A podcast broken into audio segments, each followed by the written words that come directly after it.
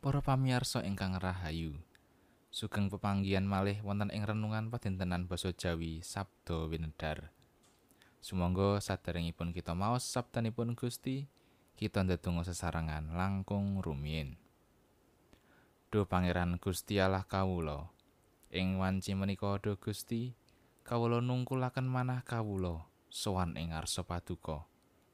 Ngaturaken ageng ing panuwun awit panuntun paduka ing sauruting gesang kawula. Paduka tansah paring kacekapan lan keserasan dumateng kawula sabrayat. Kawula pitados bilih paduka ugi ingkang paring panglipuran lan kekiyatan nalika kawula wonten ing kasisahan. Duh Gusti, manah kawula sampun sumadyo. Sumangga Gusti ingkang paring pangandika. Wonten ing asmanipun Gusti Yesus Kristus, pamarta kula ingkang sampun nebus sakataing dosa kawula. Kawula njukaken pandonga kawula. Amin. Para pamirsa, maosan dinten menika kapendhet saking Lukas bab 7 ayatipun 36 ngantos 50. Injil Lukas bab 7 ayat 36 ngantos 50. Sumangga kita waos sesarengan. Tumuli ana salah sawijining wong Farisi kang ngaturi dhahar Gusti Yesus ana ing omahe.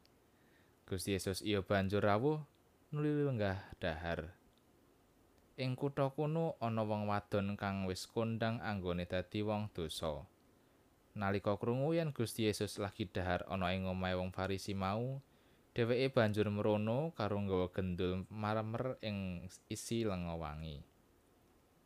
Nuli ngadeg karo nangis ana ing sawingkinge sampeyane Gusti Yesus. Nganti luwih trocosan nibani sampeyane banjur diusapi kelawan rambute diujungi sarta dijebati kalawan lengane wangi mau. Bareng wong Farisi kang ngaturi rawuh Gusti Yesus weruh kang kaya mangkono iku dheweke banjur duwe usik mangkene.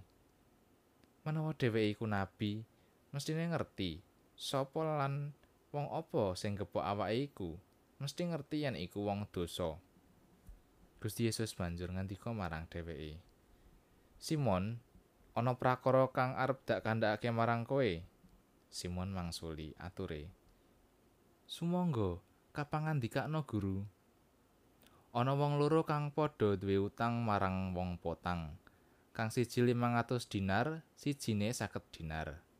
Sarehne padha ora bisa nyaur, kang potang banjur nilakake utange wong loro mau. Wong loro iku sing ngendi sing luwih tresna marang dheweke? Atur wangsulane Simon. Kula kinten inggih ingkang sambutanipun kathah lajeng dipun lilakaken menika. Pangantikane Gusti Yesus. Bener panamumu iku. Banjur ngendika marang Simon maneh kelawan mirsani wong wadon mau. Kowe weruh wong wadon iki? Aku mau mlebu ing omahmu kowe ora menehi banyu kanggo wisu sikil. Nanging wong iki nalesi sikilku nganggo luh, banjur diusapi kelawan rambute. Kowe ora ngambung aku. Nanging wiwit nalika aku mlebu, wong wadon iki tansah ngambungi sikilku. Kowe ora nglengani sirahku. Nanging wong wadon iki njebati sikilku nganggo lenga wangi. Mulane aku pitutur marang kowe. Dosane kang akeh iku wis kaapura. Amarga wis nindakake katresnan akeh. Nanging kang kaapura sethithik, iya nindakake katresnan sethithik. Banjur ngendika marang wong wadon mau, "Dosamu wis kaapura." Wong kang padha linggih mangan bebarengan karo panjenengane padha musik mangkene. Sapa to dheweke iku? Dene kok nganti bisa ngapura dosa? Nanging Gusti Yesus nuli ngendika marang wong wadon mau, pangandelmu kang mitulungi kowe. Mundura kelawan tentrem rahayu. Makatan pangandikanipun Gusti? Ayat nat singgih menika ayat seket. Nanging Gusti Yesus nuli ngendika marang wong wadon mau pangandelmu kang mitulungi kowe mundura kelawan tentrem rahayu.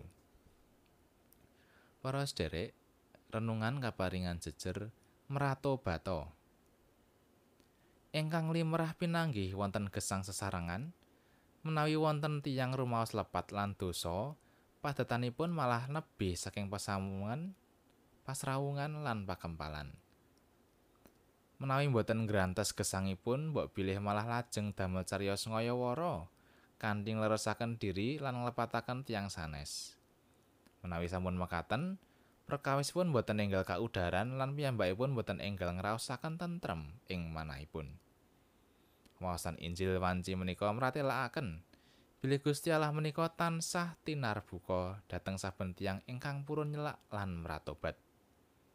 nalika Gusti Yesus nembe kembul bujana ing griyanipun Simon wonten pawestri ingkang dumadakan nyelak pawestri menika nangis ngantos luhipun dawah ing sampeyanipun Gusti Yesus sampeyanipun dipun jebati kanthi lisah wangi lajeng dipun resiki kanthi rambutipun menika wujud pamratobat awit piyambakipun sampun kaanggep minangka tiyang ingkang dosanipun ageng nalika Simon grundel Gusti Yesus paring pasemon bab tiang kalih ingkang sami gadah sambutan nanging sami boten saged mangsulaken sambutanipun nanging jebul sambutanipun lajeng kalilakaken.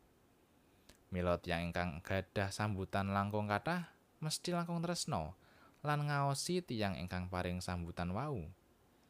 Menawi tiang ingkang paring sambutan kemawon purun paring kawelasan dhateng tiang ingkang sambutanipun kathah, langkung-langkung Gusti Allah mestinipun ugi tresna dhateng saben tiyang ingkang purun pratobat sanajan to dosanipun ageng.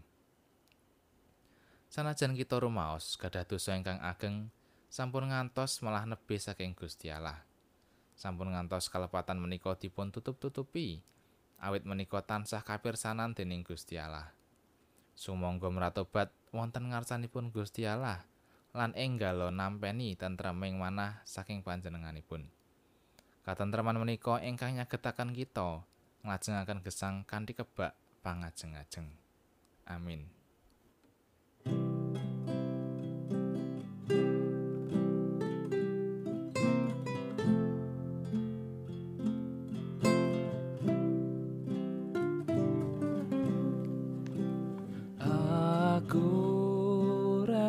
Sekeng ngungsi maring Gusti dene kang suci birato somami